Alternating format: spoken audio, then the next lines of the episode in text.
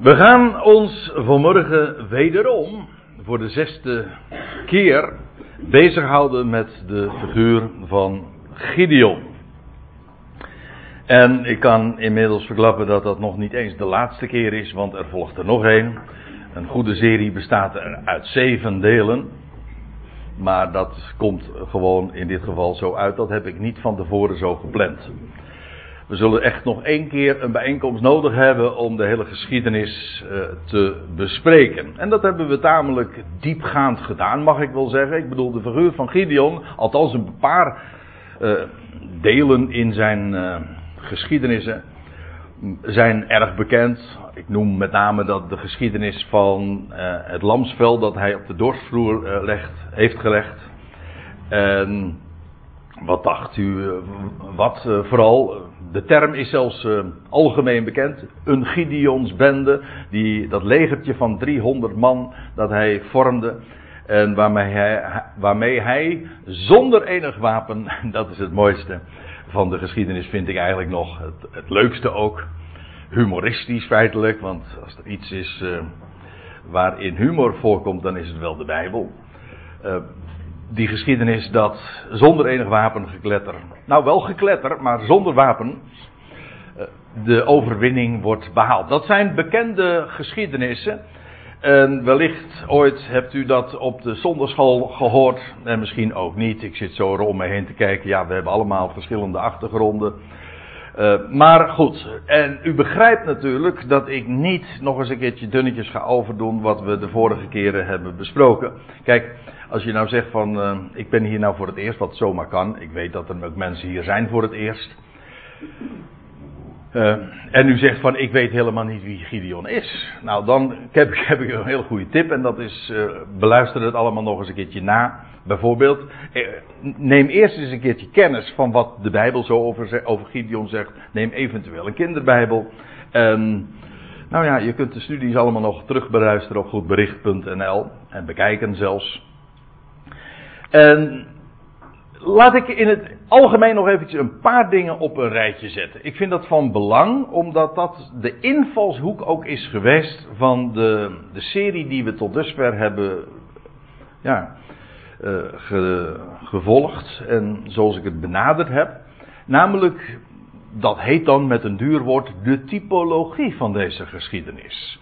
Want het gaat maar niet alleen maar over een figuur die pakweg um, 35, nou iets minder, 3500 jaar uh, geleden leefde en daadwerkelijk deze dingen allemaal heeft meegemaakt. Kijk, dan praat je over een oude geschiedenis. Maar wat we hebben gezien tot dusver, is dat deze Gideon een, een voorafschaduwing is, een type, al een, een model van hem die zou komen. En heel de Bijbel is eigenlijk ook een plaatjesboek. Het vertelt van, ja, de Hebreeuwse Bijbel, ja, in die dagen, ons Oude Testament, toen moest de Messias nog komen. Ja, maar hij was aangekondigd, niet alleen maar in directe voorzeggingen, maar ook in allerlei beelden, vele beelden. Dus als je houdt van plaatjes, uh, nou dan zeg ik van lees de Bijbel. dat klinkt een beetje vreemd als ik het zo zeg, maar het is eigenlijk een plaatjesboek. Allemaal uh, geweldige illustraties. En als je eenmaal de waarheid van het Nieuwe Testament kent, dan herken je de structuren en de, ja, de patronen. Oh nee, hè. Uh, kies een tijd. Wat zal ik doen, Rob? Hè? Wat zei je? Uh, help mij herinneren. Ja, oké, doen we. Goed om daar straks, als ik thuis kom, nog eventjes uh, mezelf aan te herinneren. Maar ja, de, computer dan weer niet. Goed. Waar was ik nou gebleven?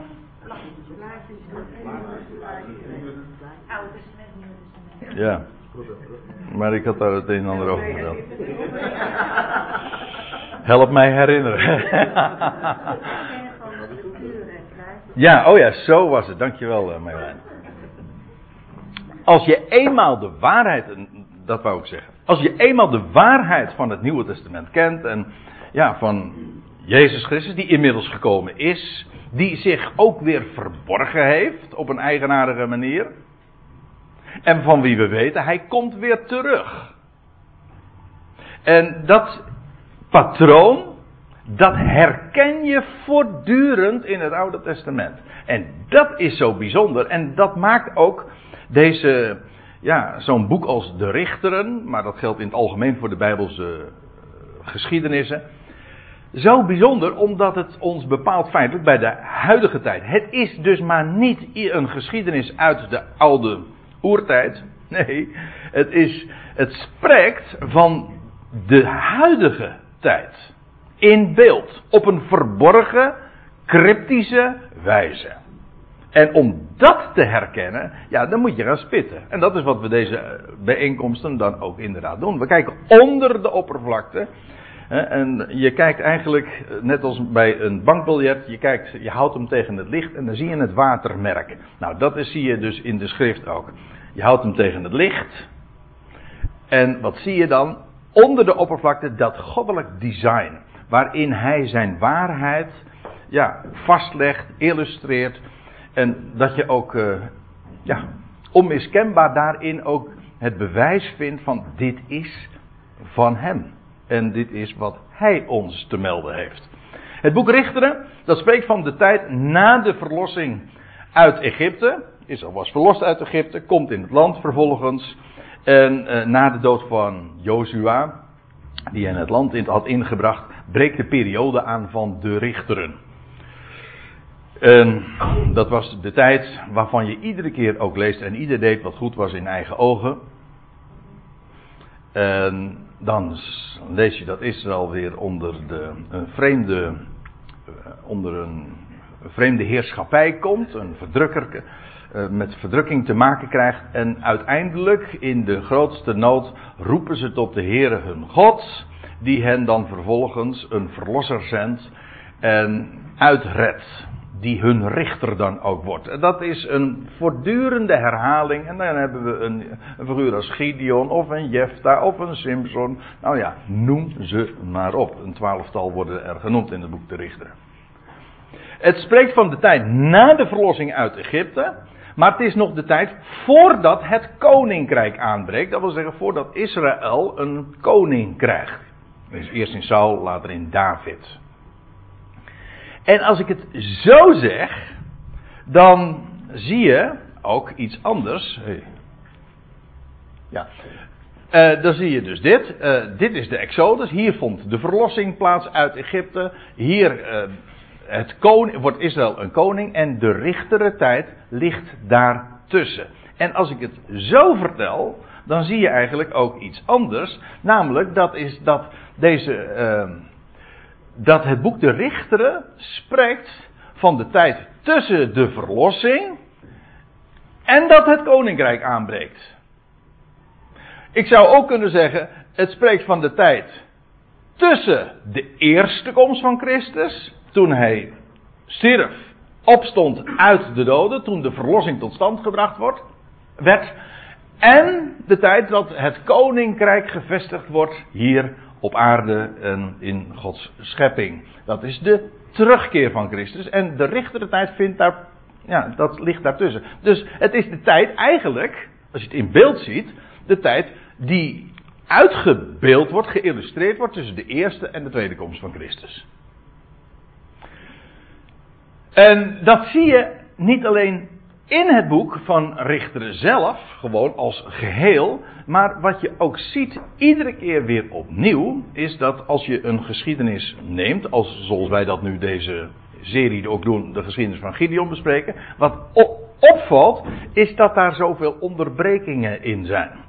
En iedere keer is die onderbreking een type van de tijd waarin wij leven. Tussen de eerste en de tweede komst van Christus. Want feitelijk, om nog eventjes terug te komen op dit plaatje, dit is een onderbreking. De komst van Christus blijkt in tweeën gesplitst te zijn. Hij kwam, trekt zich terug.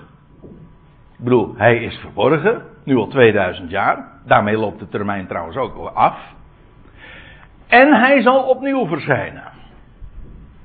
Maar dit is het grote geheim eigenlijk ook van het Nieuwe Testament. Dit is ook de tijd waarin de Heer verborgen is. waarin hij zijn aangezicht voor Israël en voor deze hele wereld verbergt. En, zo, en dat doet hij God zo goed, dat hij zijn aangezicht verbergt, dat mensen zeggen hij is er niet. Of hij is dood. En vandaar ook dat in deze tijd uh, ja, atheïsme uh, een heel goed argument heeft. Namelijk zeggen van nou, we, zien weinig van zijn, uh, van zijn aanwezigheid. Moet je ook niet te goed in de natuur kijken natuurlijk, maar goed. Hè. Het idee begrijp je dan wel. Ja, waar is die dan? Nou ja, inderdaad. Hij verbergt zijn aangezicht. En dat is wat die tijd ook laat zien. En iedere keer in die geschiedenis van Gideon zie je onderbrekingen. En die onderbrekingen illustreren de tijd waarin wij leven. De tijd tussen de eerste en de tweede komst van Christus. De, en we, om eventjes een, dat nog voor de helder voor de geest te krijgen. Eén uh, zo'n onderbreking was dat Gideon, nadat hij geroepen is, nadat het offer gebracht was, alles wat ik nu zeg is heel dubbelzinnig. Hè? Nadat hij geroepen is en het offer gebracht had, breekt hij vervolgens in de nacht het altaar af in zijn vaders huis. En hij bouwt een nieuw altaar. Dat is een onderbreking in de geschiedenis. En dan krijg je het, de geschiedenis van dat dubbele teken. Van dat schaapsvel dat hij op de dorsvloer moest leggen. En dat op de derde dag de definitieve bewijs was geleverd. Uh, dan krijg je de geschiedenis, en daar hebben we, ja, we hebben daar allemaal aparte bijeenkomsten eigenlijk ook aan gewijd. De vorming van die Gideonsbende, ik noem het maar zo, want dat is de staande uitdrukking voor dat gezelschap. De Heer vormt zich vandaag een gezelschap, in, in getalsmate volstrekt onbetekenend. Maar die selecteert hij uit de natieën, uit, als honden. Voor degenen die er toen waren, die weten waar ik het nu over heb. Eh, maar hij vormt zich vandaag een Gideonsbende, een ecclesia, een uitroepsel waarmee hij zijn werk gaat verrichten. Eigenlijk is het dat die bende een, niks anders dan een, het verlengstuk van Gideon zelf. Ja. En dan hebben we ook nog, de, dat is ook zo'n eigenaardige interval, onderbreking of een break, of nou ja, noem het maar wat, geef het een naam parenthese eh, wordt het ook wel genoemd. Maar in ieder geval een onderbreking. Eh, dat Gideon op een, eh, een verborgen wijze verblijft in het kamp van de tegenstander, van de natieën, van, van, van Midian. Hij, hij is dus in het kamp en dan hoort hij een, een gelijkenis, een geheimenis. En dan wordt ook het bewijs geleverd voor Gideon van ja, God gaat door mijn hand Israël verlossen. Nou, allemaal van die onderbrekingen. En ik heb u toen ook eh, laten zien dat al die onderbrekingen spreken van de huidige tijd tussen de eerste en de tweede komst van Christus. En vandaag gaan we dat ook weer doen. En we gaan nu naar Richteren 8. Gideon achtervolgt de vijand. En dan keert hij weer terug. En de geschiedenis die we vandaag onder ogen zien. Ik denk dat die voor een groot gedeelte van dit gezelschap ook en ik weet van een aantal van u zijn echt wel bijbelforsters. Maar ik denk dat dit echt wel behoorlijk onbekend is. Deze geschiedenis uh, heeft wel grote indruk trouwens in Israëls vaderlandse geschiedenis gemaakt. Want later lees je in de psalmen onder andere nog dat er melding van gemaakt wordt. Van die gigantische overwinning. Die Gideon door dat kleine legertje heeft... Uh, ja, ik zeg Gideon, maar eigenlijk God heeft door Gideon, door dat kleine legertje, de overwinning tot stand gebracht. En dat was echt, nou ja, dat gaat eigenlijk getals, maar het gaat nergens over. De, de enorme overmacht, want hoe was het ook weer van 300 man tegenover 135.000 man. Dat is, ja, dat is geen verhouding. Nee, maar voor God. En, dan is het mooiste nog, waar, waar, we het al even over hadden. Die 300 man, wat hadden ze? Die hadden fakkels en aardevaten. Ja, dat waren hun wapens. En zo wordt de overwinning behaald. Ja, je hebt een God of je hebt het niet, hè? Goed. Nou, uh, en nu gaan we de geschiedenis lezen van dat Gideon de vijand gaat achtervolgen en dan weer terugkeert. En ik zei al, dat is in Richteren 8. En we ja, ik weet niet precies hoe ver we gaan komen. Ik, ik hoop het allemaal uh, uh, met enige snelheid te gaan doen. Dat is uh, mij soms wel erg veel gevraagd, maar ik ga mijn best doen. Ik moet er trouwens ook, ja, dan moet ik er nog weer iets bij zeggen, want deze geschiedenis uh, is, en ik kan me goed, goed, voorstellen, zeker als je allemaal nog niet zo heel erg vertrouwd bent met de Bijbel, dat je zegt van, wacht even, maar dit, wat is dit merkwaardig, hè? want je wordt wel eventjes terug, als het puur over de geschiedenis, het verhaal zelf gaat, ja, je, het is echt een andere tijd, hè? compleet andere tijd. Dus het was niet dus 2018, uh, eh, heel andere waarden enzovoort. Prik daar nou eens gewoon doorheen. Je leest gewoon deze geschiedenis. Goed. Uh, dan moet ik nog iets vertellen. En dat is iets over de structuur van dit gedeelte waar we het nu over gaan hebben. Richter 8. En dat is wel even handig, want als je dan even ja, je leest het verhaal en dan zeg van, ja, waar ging het nou eigenlijk over? Hoe, hoe zit het in elkaar? Nou, dus, eh, de indeling is heel simpel. Die krijg, je krijgt dan, ik heb erboven gezegd, het is de achtervolging en de gevangenneming van die koningen, van Midian. En dan begint dat met de mannen van Ephraim die naar Gideon toe gaan. Dan krijg je dat hij in Sukkot komt. En uh, Sukkot weigert uh, dienst te verlenen aan Gideon. Dan, krijg, dan gaat hij vervolgens naar Penuel. Dat doet hetzelfde, die weigert ook. En dan lees je in vers 10 tot 12 dat de koningen gevangen worden genomen. Dan krijg je vervolgens, en dan krijg je een herhaling, dat Gideon weer terugkeert. En dan komt hij bij Sukkot en dan gaat hij wraak nemen. Had hij ook van tevoren gezegd. En dan komt hij vervolgens ook in Penuel. En ook daar uh, neemt hij wraak.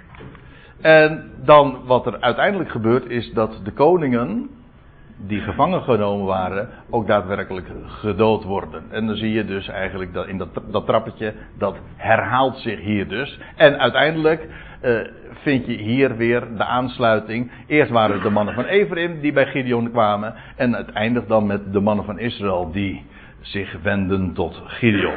Nou, zover zullen we niet helemaal komen, maar dit is een beetje uh, de lijn, de structuur uh, die, die je in Richter 8 dus ziet. Nou, we gaan naar de tekst toe. Wordt hoog tijd om dat te gaan doen. U weet het nog, inmiddels was de overwinning feitelijk behaald daar in de vlakte van Israël. Dat was inmiddels gerealiseerd. En het was ook zo dat in Ephraim, uh, die verder geen deel had genomen aan de strijd, die had uh, wel de twee koningen, de twee vorsten, uh, die hadden ze niet alleen gevangen genomen, maar ook gedood. Nou, en dat hadden we gelezen aan het einde van Richter 7. Dan komen we hier nu in Richter 8, begin. En dan ontstaat er een conflict. Want toen zeiden de mannen van Ephraim tot hem: Wat is deze daad? Wat doe je jegens ons dat je ons niet oproept? Uh, toen je te strijden trok tegen Midian.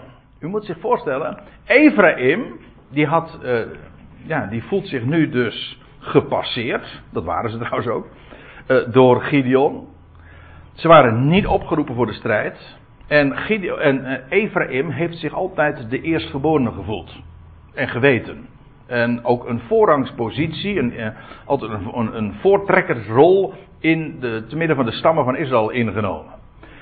En nu, ja, nu hadden, was daar zo'n enorme overwinning behaald. En nu zegt, Gideon, uh, nu zegt Ephraim, of de mannen van Ephraim, waarom heb je ons dan niet opgeroepen in die strijd? Nou, dat is het idee. En nou ja, zij twisten met hem in vasthoudendheid, staat er dan. Hevig, zegt de NBG-vertaling. En hij, dat is Gideon, die zei tot hen: Wat deed ik nu zoals jullie? Uh, zijn niet de oogstresten van Ephraim beter dan de wijnoogst van Abiezer? Moet ik even wat vertellen. Uh, want uh, wat Gideon doet, je zou, kijk, als je het nu puur uh, de, de lessen wil leren, zonder die, die typologische diepgang en de profetische structuur enzovoort. En je zegt van ja, wat kun je nou van zo'n conversatie die nu vervolgens uh, verslagen wordt, wat kun je ervan leren? Nou, dan zou je bijvoorbeeld kunnen leren dat een zacht antwoord, dat staat in Spreuken 15 vers 1, hou hem in gedachten. Een zacht antwoord keert de grimmigheid af. De grimmigheid. Ja, nee, de grimmigheid. Zo was die. En een zacht. Dus het idee daarachter is. Dus een hele wijs, uh, wijze les. Dat als je te maken krijgt met een hele agressieve aanval. dan kun je er natuurlijk. zoals dat tegenwoordig heet. met een gestrekt been ingaan. Ja, maar dat, dat werkt niet. Althans, uh, dat daarmee escaleert alleen maar het conflict. Gideon, die krijgt hier te maken met een verwijt. En wat hij doet, en je zou kunnen zeggen dat is heel diplomatiek aangepakt. Hij complimenteert Ephraim. Hij, want wat had Ephraim namelijk gedaan? Ik zei het al, Ephraim had helemaal geen deelgenomen aan de strijd. Behalve dan dat toen uh, er massale vlucht plaatsvond, toen hebben ze de twee vorsten van Midian uh, gedood. Nou, en nu zegt Gideon, hij zegt, wat, hij zegt wat jullie deden, dat is veel meer dan wat ik deed. Zijn niet de oogstresten van Ephraim, dat wil zeggen, jullie hebben toch maar die vorsten gedood. Zijn niet de oogstresten van Ephraim uh, beter dan de wijnoogst van Abiezer? Ephraim had Midians vorsten, die heten Oreb en Seeb. Weet u nog? Dat waren die twee beesten. Die hadden ze gedood bij een vlucht. En uh, nou zegt hij, zijn de oogstresten van Ephraim niet beter dan de wijnoogst van Abiezer? Abiezer, dat is gewoon eigenlijk, wij zouden zeggen, de achternaam van, uh, van Gideon. Het was gewoon zijn, zijn geslacht, zijn familie. Die heette Abiezer. We, hebben hem al, we zijn hem al verschillende keren uh, tegengekomen. Met andere woorden, ja, wat ik gedaan heb, ik als Abiezeriet, hè, ik van de stam van Abiezer, ik heb misschien wel het wijnoogst binnengehaald. Maar jullie nalezing is beter dan wat ik heb gepresteerd hoor. Dat is wat hij zegt. In jullie hand gaf God de overste van Midian, Oreb en Zeeb. En wat kon ik doen zoals jullie? Dat wil zeggen, um, ja, wat jullie gedaan hebben, dat overtreft dat wat ik gedaan heb. Eigenlijk zegt hij, ik voerde de strijd. Maar wat uh, ten deel viel, was de overwinning. Kijk, dat is trouwens een Bijbels principe. Uh, wat geïllustreerd wordt in die prachtige term in Romeinen 8. Meer dan overwinnaars. Dat is een, een term waar je, als je daar even over doordenkt, logisch doordenkt, dan moet je erover struikelen. Want hoe kun je nou meer zijn dan een overwinnaar? Je kan verliezen. Nou, even in, in strijdtermen. Uh, je kan verliezen. Je kan, oh, in voetbaltermen of welke sport dan ook, kun je ook nog gelijk spelen. Je kan winnen, maar meer smaken zijn er toch niet? Hoe kun je dan meer dan overwinnaar zijn? Ja, kan wel. Dat is wat hier Ephraim eigenlijk uitbeeldt. Die had namelijk, bij, want normaal gesproken is het zo, dat als jij wint, ja, dan heb je daar ook een strijd voor geleverd. Maar nu had Ephraim wel de overwinning ontvangen of daaraan deel gekregen, maar ze hadden niets aan die strijd gedaan of daaraan deelgenomen. Ik een paar weken geleden, toen heeft Petra de ronde van Katwijk, of hoe heet dat, de vlietloop gedaan. En toen had ze uh, een prijs gewonnen. Dat doet ze altijd. Ja, dat is mijn vrouw.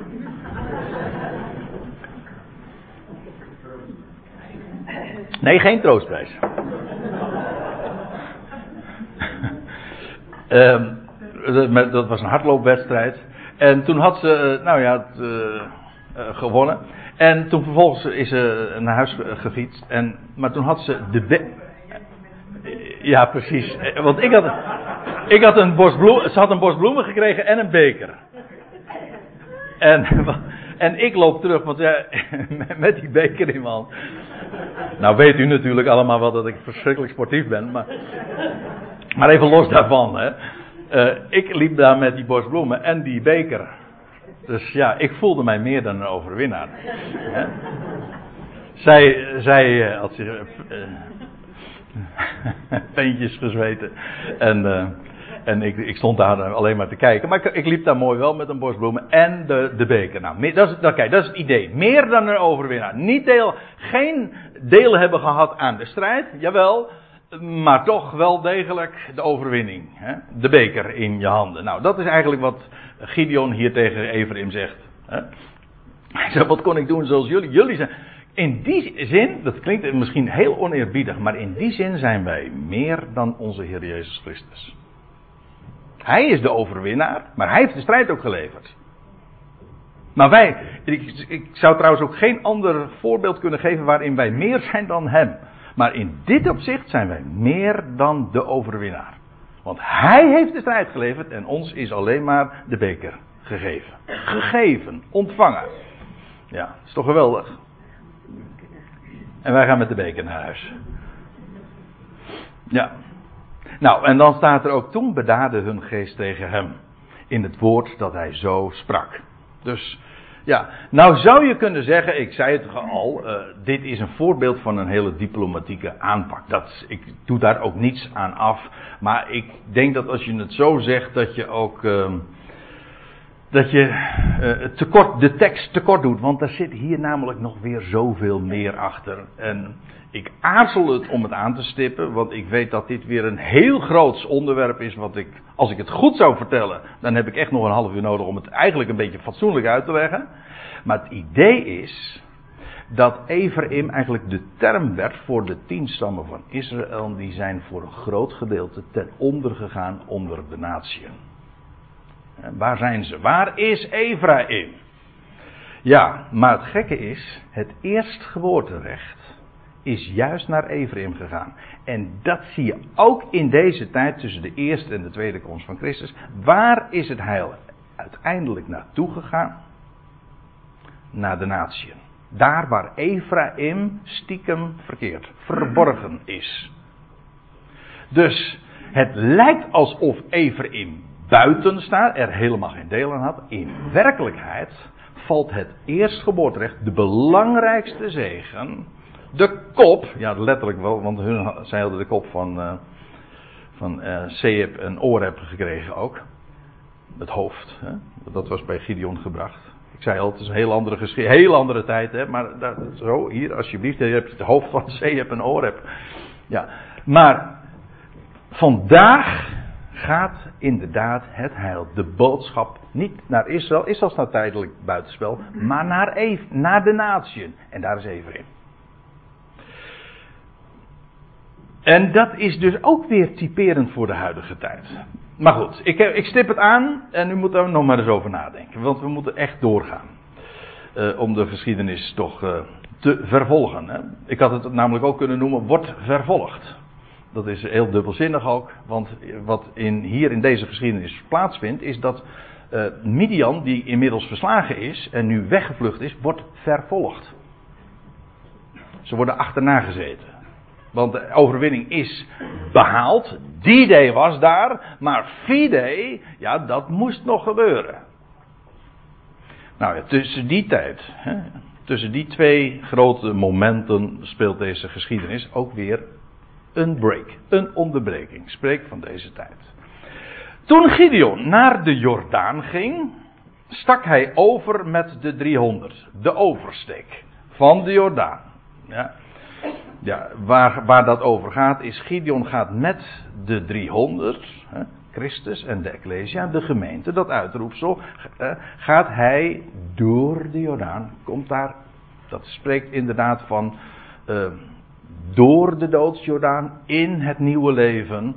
En ja, daar, daar bevinden zij zich, maar verborgen. De overwinning, ik zeg nog eens, de overwinning was eigenlijk al behaald. Ik bedoel, de vijand was op de vlucht. Ja, maar nu moest het nog afgemaakt worden. Gideon gaat met zijn legertje van 300 man. Bevindt zich aan de, nu. Hij trekt door de Jordaan en komt dan aan de andere kant. En ja, daar zijn zij. En nou zou je zeggen van nou dat zijn overwinnaars hè, met de beker in de hand. Nee, ze waren afgemat en achtervolgend. Er was een enorme strijd dat daar plaatsgevonden. En ja, ook dat typeert weer, ik blijf het zeggen en je kunt eigenlijk als je eenmaal het patroon ziet, dan kun je het zelf ook gewoon invullen die plaatjes. Uh, dit typeert ook weer de, de, huidige positie van Christus en de Ecclesia in de wereld. De overwinning heeft weliswaar plaatsgevonden. Ja, maar het wordt nog helemaal niet gezien. En ook zelfs niet erkend. Het wordt miskend. En dat betekent dat je nog helemaal, uh, weliswaar, feitelijk met de overwinning op zak, dat je nog uh, in de praktijk daarvan niets beleeft. Eigenlijk is dat ook onze positie. Ik had het als ondertitel gegeven, deze zesde, dit zesde deel. Uh, werkelijk overwonnen. Nou, dat is.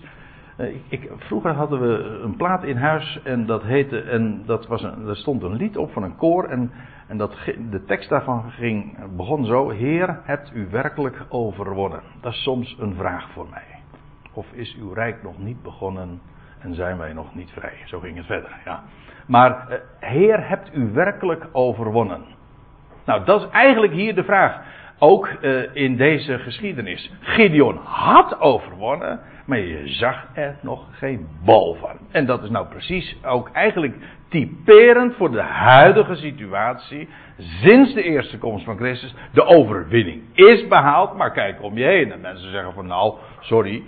Uh, maar ik zie daar nog niks van hoor. Nee, dat klopt. Waar is die Gideon trouwens dan, überhaupt? Wat wordt ervan gezien? Nou ja. En uh, hij komt daar. Uh, ja, hij was de, uh, de, de Jordaan overgestoken met dat, man, dat legertje van 300 man. En hij zei tot de mannen van Sukkot. Ehm, ja, dat moet ik even op een kaartje laten dan zien dan, wat de situatie was. Hier, kijk, hier had die strijd plaatsgevonden. In de vlakte, die enorme grote vlakte van Israël. Dan vlucht het leger van Midian. En die gaat over de Jordaan. Dit is dus de Jordaan. Ze trekken over de Jordaan. Hier had je het gebergte, het grote gebergte van Ephraim. Waar zojuist dat, die, eh, die, dat gesprek had plaatsgevonden, of die strijd zo u wilt, tussen Ephraim en Gideon. Uh, en dan komt, uh, ja, Gideon gaat met dat legertje van 300, gaat Midian achterna. En dan komen ze aan hier in Sukkot. Dat is hier dus. En Sukkot kom je nog wel eens een keertje tegen in de Bijbel. Dat is namelijk een naam, een plaatsnaam voor verschillende plaatsen. Zoals wij dat ook hebben. Ja, ik bedoel, je kan in Valkenburg wonen. Maar dan moet je, welk Valkenburg? In Zuid-Holland of in, in Limburg? Nou, zo was het met Sukkot ook. Ja, welk Sukkot eigenlijk? Want er zijn er meerdere. Um, maar ik wil op nog iets anders wijzen. En dat Sukkot, of op zijn Hebreeuws gezegd Sukkot, Sukkot. Hé, hey, is dat niet de naam van een Hebreeuws, van een Israëlitisch feest? Dan zeg je ja, precies. Het is sterker nog, en dat is heel actueel. Ook dat is niet gepland, maar het is de, het feest dat momenteel gaande is in Israël, Sukkot. En het is, als ik me niet vergis, vandaag de vijfde of zesde dag van het Sukkot. Sukkot duurt zeven dagen. En nu is het, nou ja, zoals gezegd, de, de, de zoveelste dag. Het is, uh, we zijn al over de helft. En Sukkot, uh, dat is dus de, eigenlijk het grote laatste feest van Israël. Uh, het wordt gevierd in de zevende maand. En Sukkot betekent eigenlijk gewoon een, een hut, een loofhut. Een hut dus gemaakt van, van loof, van blad, palmtakken en whatever. En dan woonde Israël zeven dagen lang in loofhutten. En dat heet Sukkot. En dit is dus de naam, een plaatsnaam, maar het is dus ook de naam van Israëls hoogtij. En daar komt hij nu dus in Sukkot. En hij, en hij vraagt aan die mannen daar in Sukkot: geef alsjeblieft broodkoeken aan het volk dat gaat in mijn voetsporen. Deze, dit legertje van 300 is nu afgemat en alsjeblieft, uh, help ons verder, geef broodkoeken aan het volk. Want ze zijn afgemat. En ik achtervolg Zebach en Salmona. Koningen van Midian. Want twee vorsten waren al. Uh, die vorsten, ik veronderstel dat dat de generaals zijn geweest. Die al inmiddels door Ephraim uh, een kopje kleiner waren gemaakt, letterlijk en figuurlijk. Maar uh, nu, de koningen, die moesten nog achtervolgd worden en gedood worden ook. Dus Gideon is daar nog mee bezig. En hij zegt, ja, nu mijn leger moet vooruit geholpen worden. Hij zegt, zij zijn afgemot, ik achtervolg deze koningen. En die koningen die heten Sebach en Salmona. En ik geef dit eigenlijk ook als, als illustratie weer van hoe Bijbelstudie werkt. Uh, je we praten over het woord van God. Dat is niet zo, dat is geen mensenwoord. Dat woord, dat is maar niet alleen maar dat wat je zo aan de oppervlakte leest, een verhaal, een tekst. Nee, daar zit zoveel onder. Het is een goudmijn. Dan moet je in. En wat doe je in een goudmijn? Dan moet je spitten. En dan moet je zoeken. En maar wat je vindt is ongelooflijk veel. U, u zegt, uh, ja, maar dan moet je veel voor doen. Ja, voor, om goud te delven moet je ook heel veel voor doen. Hè? Maar het zit er allemaal in. En, het, je, en met goud delven of met goud zoeken, nou ja, dan, is het soms, uh, dan moet je soms jaren zoeken zonder dat je iets vindt. Maar ik zal u vertellen, de Bijbel is zo'n geweldige goudmijn. En je hoeft maar te graven en je vindt. Ja, wat vind je? Goud. Ja, dat, u weet het, dat is een beeld van onvergankelijkheid. Want goud dat is een metaal dat, dat vergaat niet, dat roest niet. Nou, wat je in de schriften vindt is goud. En onder die oppervlakte zie je dus, ja, dus dan kom je hier twee koningen tegen van Midian. Dan zeggen we, oké, die heten dus Sebach en Salmona. Dan weten, we, hebben we hun rugnummer, zeg maar. Ja, nou ja, zo, we lezen verder. Nee, nee, nee, nee, nee. Dan moet je onder de oppervlakte. Wat, wat betekent die naam eigenlijk? En dan kom je bij Sebach uit. En Sebach betekent slachtoffer. En Salmona, dat is een eigenaardige naam. Maar dan, uh, dat betekent, Salmona betekent letterlijk, dat Sal heeft te maken met schaduw. En dat laatste, Mon, Mona, dat is ontkenning. De ontkenning van schaduw.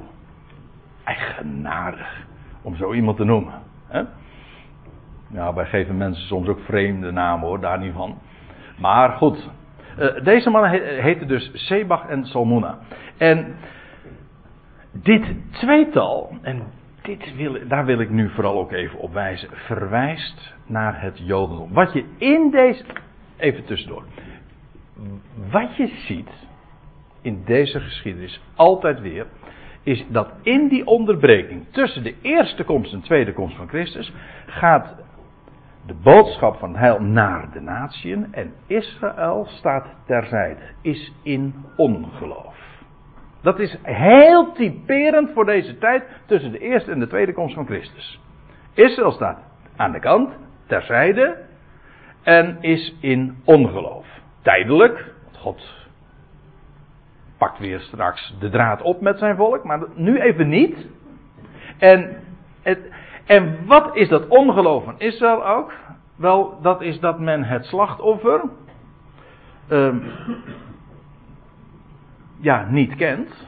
Maar waarom niet? Omdat men de schaduw ontkent. En ik, ja, degene die uh, een beetje wat meer weten ook van bijvoorbeeld de Hebreeënbrief, die, die, dan moet daar een leuke, leuke metafoor in dit verband. Hè? Het is een schaduwontkenning, ja, maar dan gaat er een lampje branden. Want hoe staat het ook alweer? Dat die hele bediening, in Hebreeën 10 vers 1. Kijk het maar eens na. Ik heb er nu geen plaatje van. Maar in Hebreeën 10 vers 1. Daar lees je dat, dat aan Israël werd die offerdienst gegeven. De slachtoffers. En dan staat er bij. Ja, dat in zichzelf had dat geen enkele betekenis. Het had geen enkel nut, al die offers brengen. Waarom, wat, wat weet je daar beter van? Ja, maar het was een schaduw. Dat wil zeggen, het wees vooruit. Het wijst op iets. Een schaduw, als je een schaduw ziet, dan weet je van hé, hey, dat, uh, dat wijst naar de werkelijkheid. En die schaduw is, uh, ja, dat is daar slechts een projectie van. Nou, zo is het met die hele offerdienst, in die we in het Oude Testament vinden, is slechts een schaduw. Niet meer, ook niet minder, maar het is een schaduw.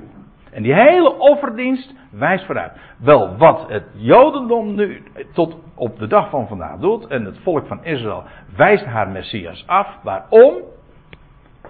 En wat heeft de, is de consequentie daarvan? Wel, men ziet de schaduw niet van die God aan hen heeft gegeven. Die hele offerdienst. En dat is ook wat je uitgebeeld ziet in Sebach en Salmona. Die mannen van, van Sukkot, ja wat ze doen, is eigenlijk ze ondersteunen Sebach en Salmona. Ja, je kunt ook anders zeggen, ze willen Gideon en zijn bende niet helpen. ja, maar wat ze daarmee dus doen, is uh, en Zalmuna in leven houden. Ze ondersteunen hem, ze conserveren hem, zeg maar. Nou, dat is eigenlijk, dat is wat het Joodse volk tot op de dag van vandaag doet. De schaduw ontkennen, daardoor het slachtoffer miskennen.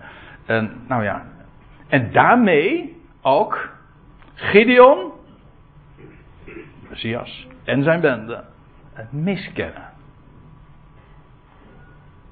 Ja, we gaan vandaag diep. Ik zie sommige kijkers Goh, André, je gaat. Dat is zo, maar ja, we, spreken Richter 8. En we, we gaan de diepte in. En ik excuseer me als, als u zegt: van ik, uh, ik pak het niet helemaal. Nou ja, dan kun je het altijd nog een keertje nabeluisteren, zullen we maar zeggen.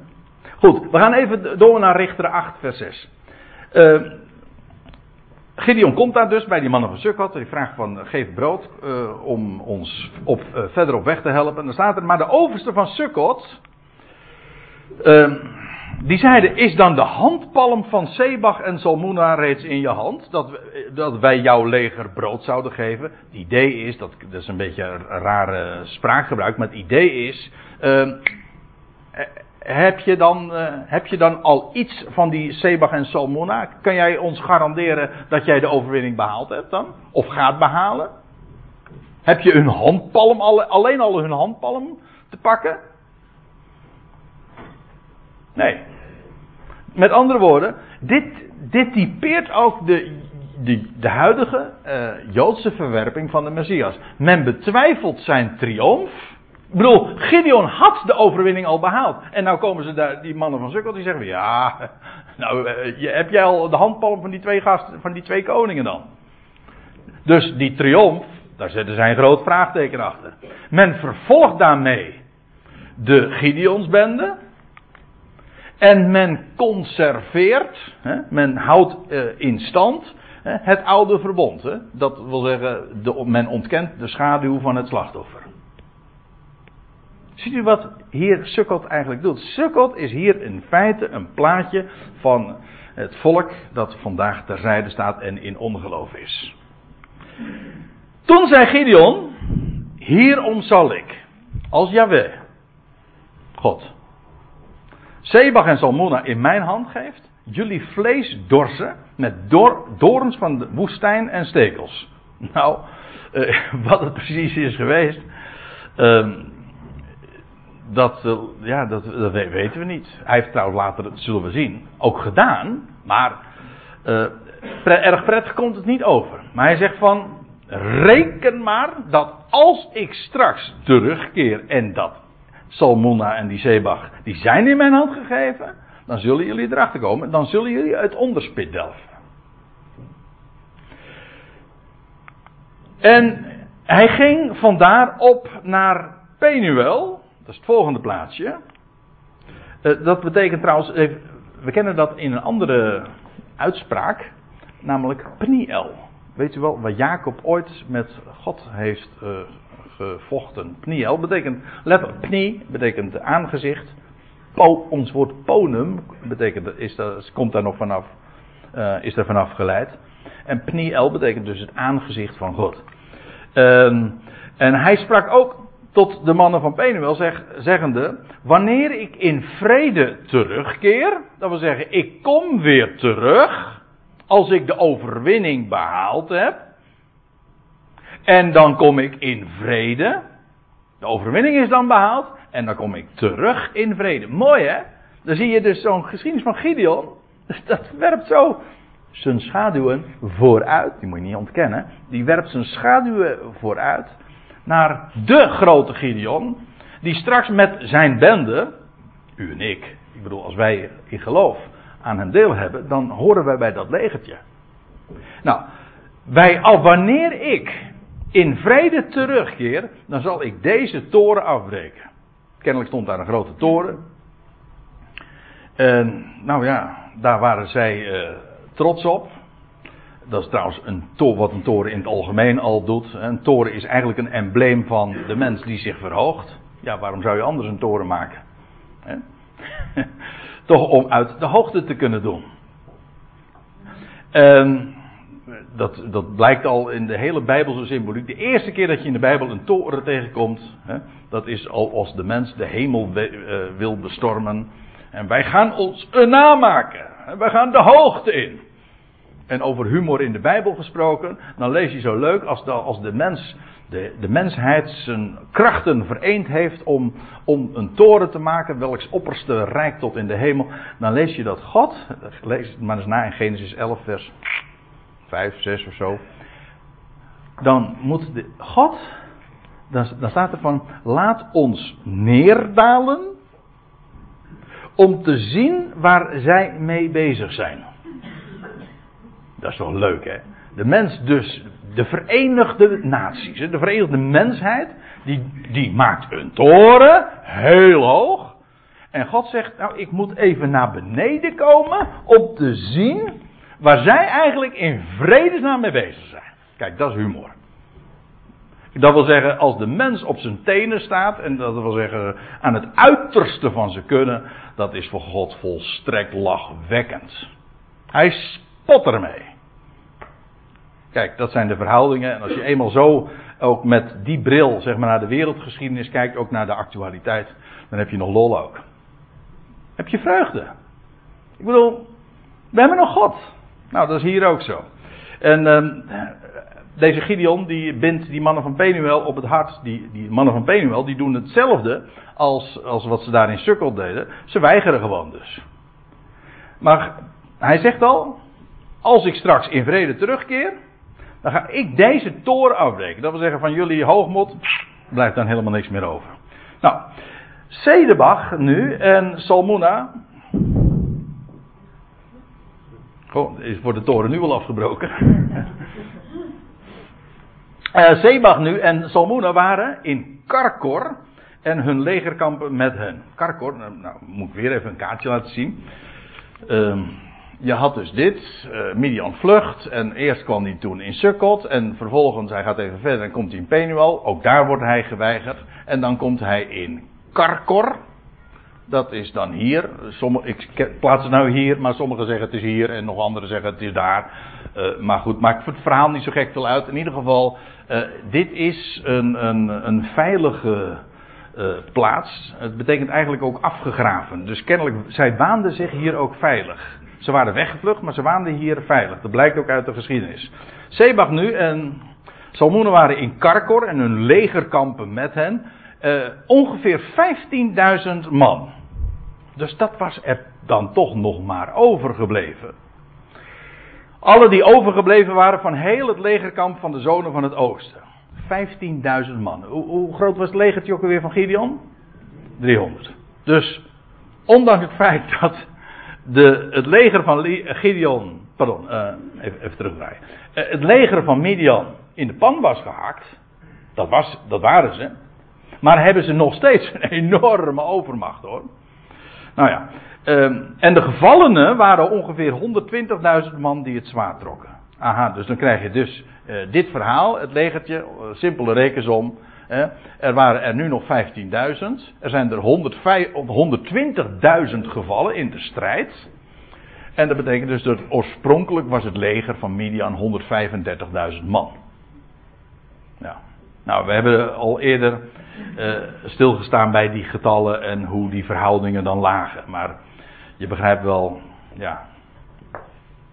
Dat zijn. Uh, uh, ook als dus, dat betekent dus ook dat als Gideon nu met zijn legertje hier aankomt daar in Karkor, dat het nog steeds een klein legertje is.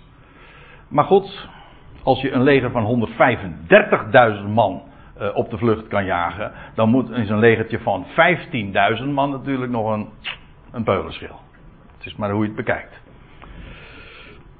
En Gideon ging op langs de weg van hen die verbleven in tenten tegen het oosten van Nobach en Jocheba. Dat ga ik nu niet aanwijzen, doet ook niet zoveel te zaken. Hij ging verder en hij versloeg het legerkamp dan toch maar. Het legerkamp was niets vermoedend. Ik zei al, Karkor uh, betekent dus ingegraven en ze werden dus uh, als in loopgraven zaten ze daar en ze waanden zich uh, dus volkomen veilig. En vandaar dat ze niets vermoedend waren. Maar goed, dat waren ze ook toen in de nacht niet. toen Gideon ineens met die, met die kruiken en die fakkels ging zwaaien. Toen waren ze ook niets vermoedend. Dat is altijd zo. de wijze waarop God opereert is altijd verrassend. En Sebach en, vers 12. En Sebach en Salmona die vluchten, aha, weer. Maar hij, Gideon, achtervolgde hen en hij greep de beide koningen van Midian, Sebach en Salmona, en heel het legerkamp deed hij beven. Ja. En Gideon, de zoon van Joas, die keerde terug nu van de opgang van Geres. Aha, want nu heeft hij inderdaad het legerkamp doen beven. Hij heeft ook de de beide koningen gegrepen van Midian, Sebach en Salmona. En nou keert hij dus terug. Nou, eventjes eh, voor het verhaal. Is inmiddels denk ik toch, eh, ook al ontgaan allerlei details, het moet toch duidelijk zijn. Gideon, hij keert weer terug. Dat spreekt van de Gideon, de Messias, die terugkeert nadat hij de strijd inderdaad beslecht heeft en dan staat er, hij greep een jongen uh, van de mannen van Sukkot. Aha, hij ging dus weer op de terugtocht. En dan komt hij bij Sukkot weer aan, waar hij ooit eerder uh, geweigerd was. En hij greep een jongen van een van de mannen van Sukkot en hij ondervroeg hem. En deze schreef, dat jongetje dus, dat schreef voor hem op de overste van Sukkot en haar oudste, dat was even gewoon de, de leiding, 77 mannen. Mm uh, dat, als je iets weet van Sukkot, dan, dan struikel je over zeven trouwens.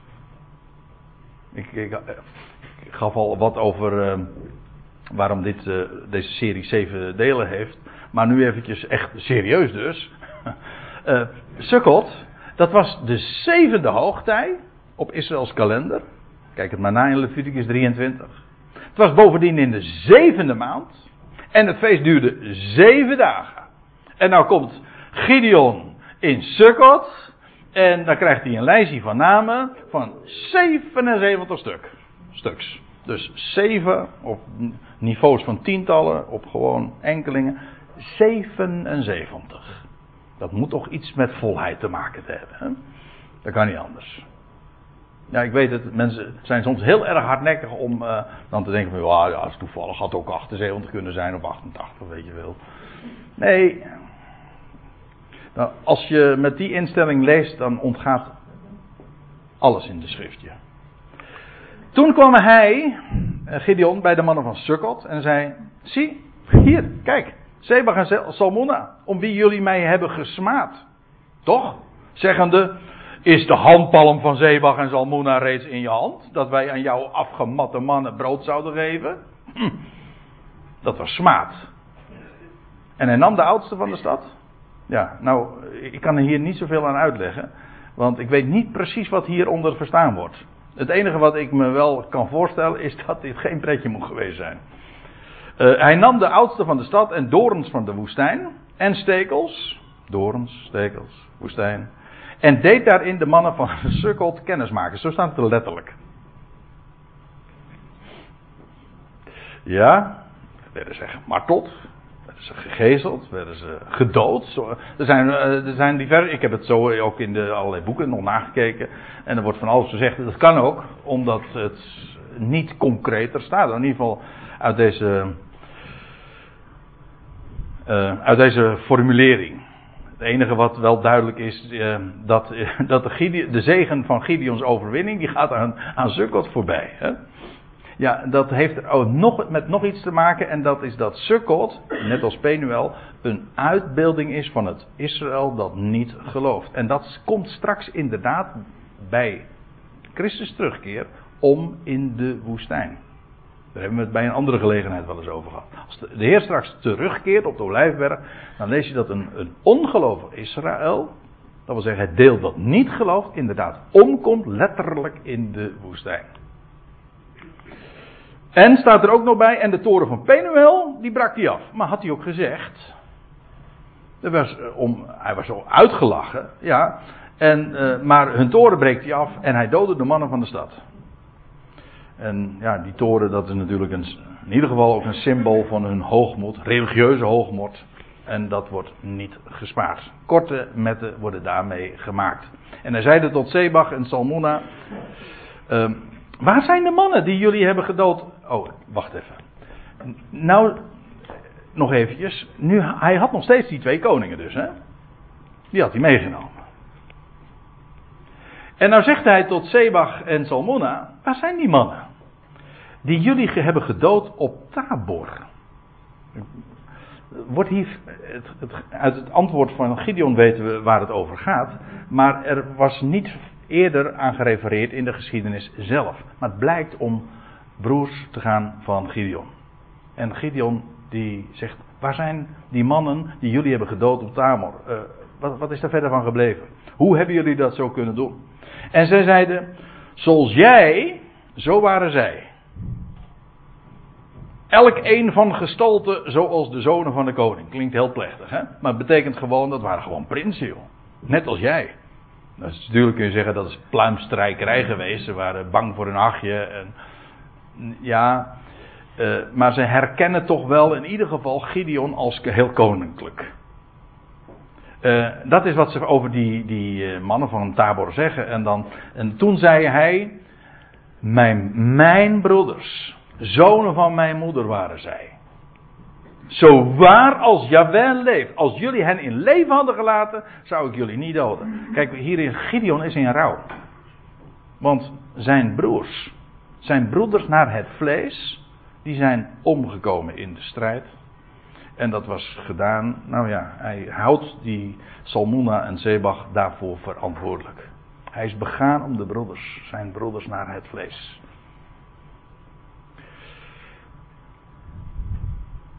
Ja, ik maak hier nog de vergelijking aan Jozef in Egypte. Toen Jozef in Egypte was, weet u nog?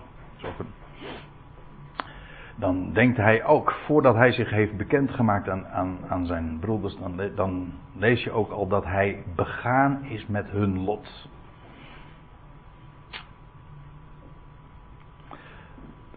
Terwijl ik, het, terwijl ik hierover praat en ik sta hier zo en ik vertel dit, denk ik van, wat een geweldige lijnen vind je allemaal. Allemaal van die dwarsverbindingen. En, en die hele schrift. Ik wil het is een verzameling van allemaal boeken. Het is een bibliotheek.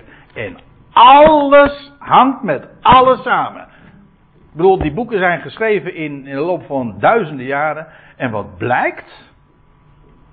Het zijn gewoon allemaal puzzelstukjes. Dat als je ze aan elkaar legt, dan zie je, een, zie je een eenheid. Dat wil zeggen, dat is goddelijk design. Dat is geen mensenwerk. En dat zie je dus, dat zie je juist als je onder, onder de oppervlakte van de schrift ook kijkt. Nou, dan krijg je het laatste van de geschiedenis. Ik moet echt opschieten, want ik heb al bijna een uur te praten. Maar goed, we hebben een lange geschiedenis. En, uh, en dat, is, dat is mijn uh, disclaimer, zeg maar. Dus nog even, nog even een paar minuten geduld. En hij, en hij zei tot Jeter, dat was de eerstgeborene van, uh, van Gideon. Sta op en dood. Jeter, dat is mooi. Jeter betekent overblijfsel. Dit, dit is, deze naam is in de Bijbel standaard de term die gebruikt voor het overblijfsel van Israël. Dat wat overgebleven is.